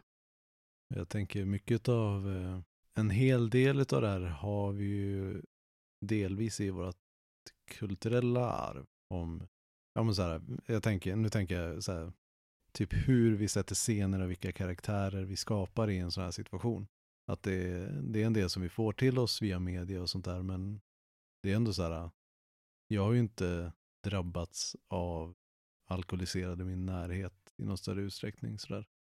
Och jag kan ju fortfarande, som, precis som du säger, så här, relatera till, ja, så här, jag, jag, kan verkligen känna att jag kan sätta mig in i hur det känns på grund av ett amalgam av andra situationer. Så. Med människor som är påfrestande eller krävande på sätt som inte, som inte känns rättvist och så. Och att försöka föreställa sig hur det upplevs som barn är ju nästan lite traumatiskt i sig. Så här uppleva det, ja, det önskar jag, det önskar ju ingen. Det känns som ett ställe som man inte går till. Det känns jobbigt att gå, det känns jobbigt att gå dit. Mm. Mm. Bara att, att ens, eh, det känns som att man gör sig väldigt, väldigt sårbar bara att öppna upp sig för att stiga in i den här rollen.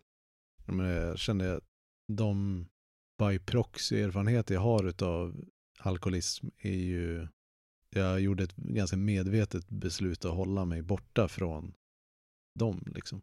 Just för att det här, det känns som det hade blivit alldeles för misär och för nära liksom. Och att jag inte riktigt är, jag är inte riktigt redo att behandla, eh, här, processa de historierna på ett sånt här sätt. Mm. Men jag kan absolut föreställa mig att det kan funka väldigt bra för människor som har kommit till ett visst stadie eller så. Jag eh, gjorde ju lite tvärtom. Där jag hämtade, jag ska inte säga inspiration, men lite där jag har varit med om vänner som haft alkoholism i familjen, både mammor och pappor.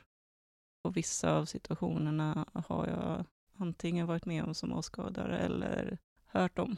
Och inte nu tog vi inte alls upp de riktigt jobbiga situationerna, men närmade sig och det finns en anledning till att, i slutet, att jag började gråta i slutet. framförallt är det den här insikten om att det löser sig inte alltid. Nej. Man lär sig leva med det. Men det tar inte slut. Det, det, det finns inte nödvändigtvis ett lyckligt slut. Vilket är svårt att föreställa sig. Men mer än att man lär sig leva med det och men kanske får en förståelse för det när man blir vuxen. Det kommer alltid fortsätta vara tungt. Och sen är det ju ett väldigt nära ämne för mig eftersom jag förvisso som ung var aktiv i, i, i UGTNT och nykterhetsrörelsen och där man pratade mycket om men problemen och varför man skulle ha en vit jul. Inte en snövit jul utan en ren jul för att jul är känsliga situationer. Ren jul. No pun intended. Precis. Nej, det var starkare än jag trodde när man började komma mot vuxenheten och slutet. Det Och var just, nästan jobbigast. just inte nödvändigtvis faktiskt de livsavgörande situationerna utan fikat med mamma i slutet. Där man började inse hur det fortsätter på något sätt. Och det, mm, ja, jag har sån stor, vet inte, respekt för de som har fått gå igenom det här. Mm. Ehm, och jag vet att man kanske inte vill ha medlidande, men det var en stark upp- upplevelse att bara få testa på det väldigt, väldigt, väldigt, väldigt lite nu. Och som jag slogs av var när man går från tonåren då till ung vuxen, just det här man har det tänket att det, det löser sig eller det blir bra. Mm. Att man kanske fått med sig det också någonstans från media och kultur. Och, men just den här, när man kommer till den punkten när man inser att vi kommer aldrig ha en, en relation. Mm. Du kommer aldrig kunna, ja men typ så här, jag kommer aldrig kunna slappna av med dig till Mm. den grad att, att vi kan ha en relation som jag kan ha med vänner eller partner. Det är ju en enorm sorg. Mm. Och och just det här också att, att man vet att jag kan inte utgå från att det här blir bättre. Jag kan inte utgå från att det kommer lösa sig. Alltså jag måste hitta någon form av strategi för att hantera att det är så här det blev. Och det är jätteledsamt. Men ingenting jag gör kommer kunna påverka det. Och också den här, eh, ja, jag tycker jag ändå eh, alltså, är intressant att utforska, som också är väldigt jobbigt det här med hur man har olika verklighetsuppfattningar. Mm. Då som exempel, eh, ja men säg så Sara, när man har en bild av att jag, har ju, jag har ju varit en mamma till dig. Eller, så här, eller du, varför, åker du och hälsar på pappa? Det här med liksom Mm. avkräva någon form av lojalitet, ställa ultimatum, Mm. att man inte kan, man kan liksom inte mötas. Man kan inte lägga sig på samma nivå för att det finns ingen gemensam verklighet. Mm. Och du vet att så här, vad du än gör, vad du än säger så kommer du aldrig kunna överbrygga det. Utan du måste bara leva med det. Det är ju nästan det svåraste känner jag med att spela Sara i de här situationerna. För att jag upplever att det, det är svårt att riktigt sätta sig in i hur personer rättfärdigar en sån, alltså sin världsbild på det sättet. Eller jag, jag har svårt att sätta mig in i det. För det är så här, jag är ju fantasy-rollspelare liksom. Det är så här, sätta sig in i andra situationer. Även eh, så här, väldigt långt ifrån ens egna är ju det man borde vara bra på. Men på något sätt så känns sådana här situationer så, jag vet inte, det blir liksom för nära för att, för att jag riktigt ska kunna känna att jag har hel först, förståelse i den mån det är möjligt. Liksom. Så jag tycker det är svårt att bara så här veta hur, ja, men hur, hur rättfärdigar Sara sin världsbild. Mm. Det finns ju även eh, en slutdiskussion då. Där de gärna vill att man diskuterar eh, frågeställningar. Jag tror det här också var det som Max gärna ville att vi skulle göra. Där man, eh, ja, tankar och känslor som väcks. Och då är det framförallt de här då. Vad kan, vad kan tvinga fram eller få en medberoende att söka hjälp? Vad kan hända med ett barn som inte får hjälp senast i tidig vuxen ålder? Hur påverkas hens relationer till andra? Vad kan hända med barn som aldrig fått uppleva trygga, kärleksfulla föräldrar? Det är ju vä väldigt massiva frågeställningar. Verkligen.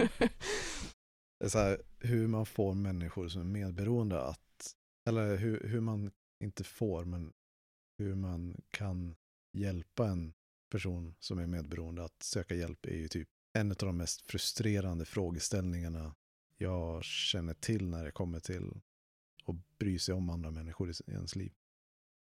För det, jag tycker det, det är någonting man stöter på lite nu och då i olika utsträckning. Och det, det är så här, innan personen är redo att faktiskt söka hjälp eller erkänna att de behöver hjälp så är det ju kan ju vara minst lika svårt som att få någon som har ett beroende att söka hjälp. Jag tänker att det har ju jättemycket att göra med skuld och skam, alltså att man, man måste på något sätt sänka tröskeln. Mm. Mm.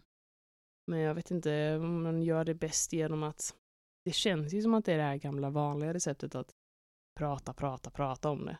Ja, vara där och lyssna. Ja. Det, det, enda, det närmsta jag har kommit till en lösning på, på Men jag tänker också från tror- samhällsnivå, att man, att man pratar mycket om det på samhällsnivå. Mm, Jo, verkligen. absolut.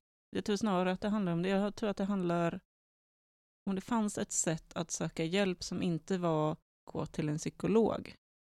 Att eh, jag tror till exempel sådana här där, där det är lite lättare. Där man kan bara prata med någon på ett chattrum där det inte nödvändigt står liksom, prata min eh, stöd till medberoende. Mm. Om man, om, utan ha ja, men, olika, för ungdomar finns det ju, vad heter det? BRIS.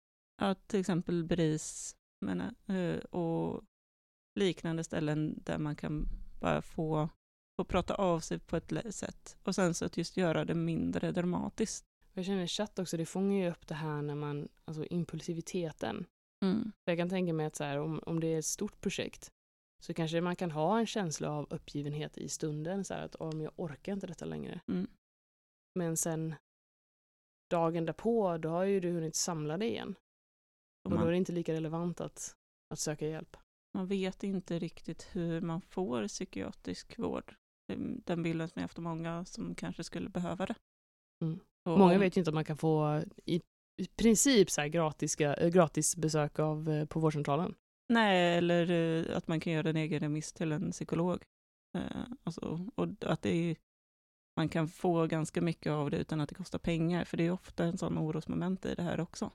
Så det är väl att lyfta fram fler enkla vägar för att söka hjälp.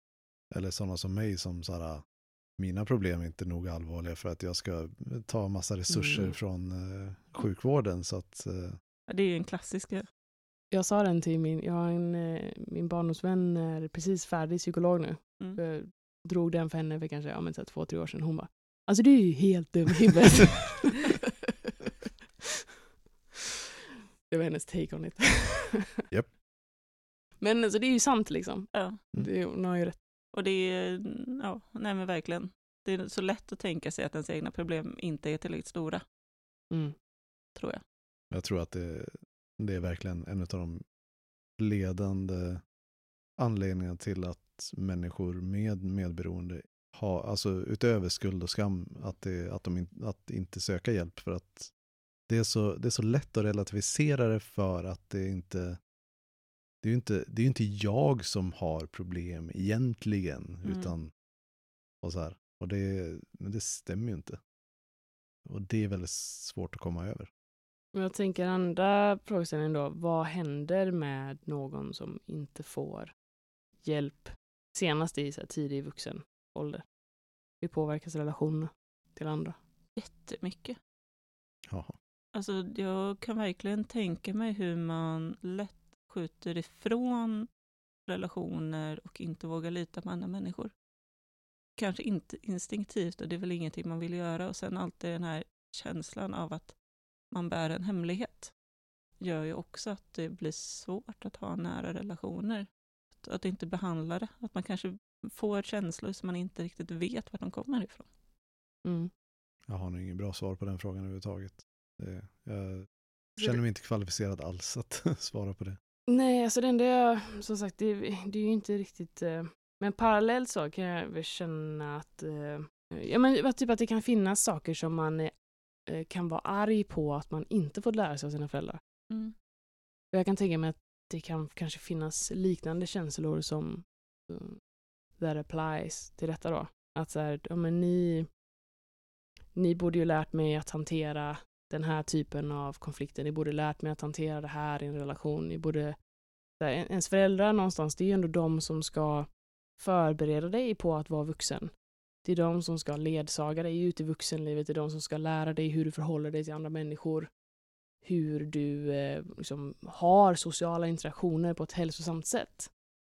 Om du då inte får det, alltså så här, då, då blir det ju andra människor som måste gå in i det ställe, kompisar, partners. Och det, det jag känner är att det blir oftast kanske en ganska så lång trial and error-period. Mm. Då så här, du, du kan lära dig och du, oftast så lär, alltså du lär dig oftast att vara vuxen på något sätt och ha vissa typer av ja, mer hälsosamma relationer i alla fall. Men till vilken kostnad? Det är oftast på bekostnaden av andra relationer i ditt liv. Kompisar som kanske inte pallar med din skit längre och ger upp dig eller, eller partners. Det kan jag tänka mig också, det måste ju nästan bli så här tio gånger värre med den typen av problematik i bilden. Mm. För det, jag tror också att det kan vara jobbigt att vara partner med någon som är medberoende. För man ser hur dens förälder skadar en person som man älskar. Och man kan inte göra så mycket åt det själv. Det måste vara svårt, tungt. Och då är det väl det här med att inte lägga allt för mycket, inte lägga över skulden på sig själv, vilket också kan vara väldigt lätt att göra, utan försöka få personen att söka hjälp. Det blir en annan eh, alltså, dimension av det också när så här, en del av den här förälderns dåliga beteende också klankar ner på dig. Ja, precis. Där, då blir det också så här, ja, ja, jag förstår att det här är en jobbig grej, du är, alltså du gör, du förlåter henne mycket, du gör ursäkter för henne, men så här, jag tycker att det börjar bli lite jobbigt för mig nu. ja. Ehm, sen sista då. Vad kan hända med barn som aldrig fått uppleva trygga, kärleksfulla föräldrar? Det är sorgligt att säga, men jag tror att en risk är att man inte vet hur man visar kärlek. Och att eh, man kanske riskerar att hamna i en situation där man visar kärlek på samma sätt som ens föräldrar har gjort det mot en själv. Och att man själv blir en ganska osäker person.